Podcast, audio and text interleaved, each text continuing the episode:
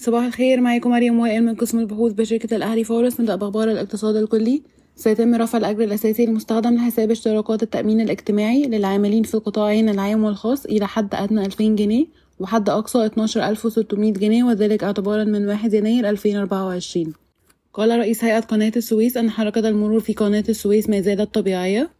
حصلت مصر على تمويل خارجي للقطاعين الحكومي والخاص بقيمة 8 مليار و800 مليون دولار خلال عام 2023 مقابل 13 مليار و700 مليون دولار في عام 2022 بانخفاض قدره 35.7% ارتفعت الصادرات المصرية غير البترولية خلال أول عشر شهور من عام 2023 بنسبة 5.3% على أساس سنوي لتسجل 29 مليار و500 مليون دولار مقارنة ب 28 مليار دولار خلال نفس الفترة في العام السابق.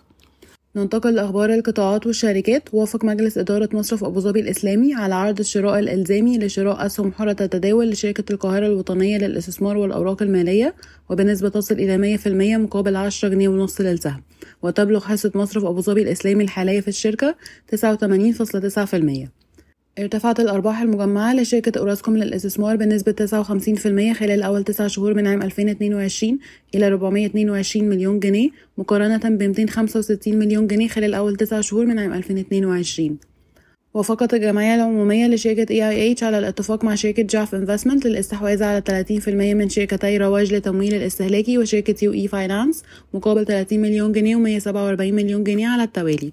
وبيع كامل حصة الشركة في شركتها التابعة Arab International Contracting مقابل شطب كافة الديون المستحقة لها على شركة EIH بنك إكسبا قرر تأجيل الجمعية العامة غير العادية المقرر عقدها في 11 يناير 2024 إلى 16 يناير 2024 لمناقشة زيادة رأس المال المدفوع بمبلغ 840 مليون جنيه ليصل إلى 7 مليار و440 مليون جنيه ارتفاعا من 6 مليار و600 مليون جنيه عن طريق توزيع سهم مجاني لكل 7.8 سهم أصلي ممولة من الأرباح المرحلة لعام 2022 تتنافس ثلاث شركات على شراء أبراج شركة المصرية للاتصالات بقيمة تتراوح ما بين 150 و 250 مليون دولار وفقا لما ذكرته الصحف المحلية. نفت شركة مصر للألمنيوم علمها بوجود اتفاق تم الإعلان عنه أمس يقضي باستثمار شركة الإمارات العالمية للألمنيوم في الشركة.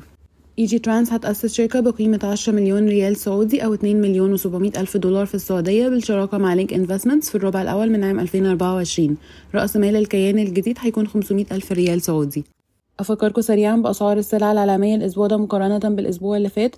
ارتفع سعر برميل البرنت بنسبة واحد في المية تقريبا وصل ستة وسبعين دولار وستين سنت. الفرق ما بين الديزل وال heavy fuel oil انخفض بنسبة تلاتة فاصلة سبعة في المية وصل تلتمية تلاتة وخمسين دولار للطن. اليوريا انخفضت بنسبة اتنين في المية وصلت تلتمية وأربعين دولار للطن. البولي إيثيلين ثابت عند تسعمية دولار للطن. البولي بروبايلين ارتفع بنسبة نص في المية وصل تسعمية وتلاتين دولار للطن. الفرق ما بين أسعار الحديد وخام الحديد ارتفع بنسبة واحد في المية مقارنة بالأسبوع اللي فات وصل 375 دولار للطن. سعر الألمنيوم ارتفع بنسبة خمسة ونص في المية وصل 2206 دولار للطن. الأسمنت في مصر انخفض بنسبة ستة في المية تقريبا مقارنة بالأسبوع اللي فات وصل ألفين ستة وسبعين جنيه للطن. الفحم الحراري انخفض بنسبة أربعة في المية وصل مية خمسة وأربعين دولار للطن.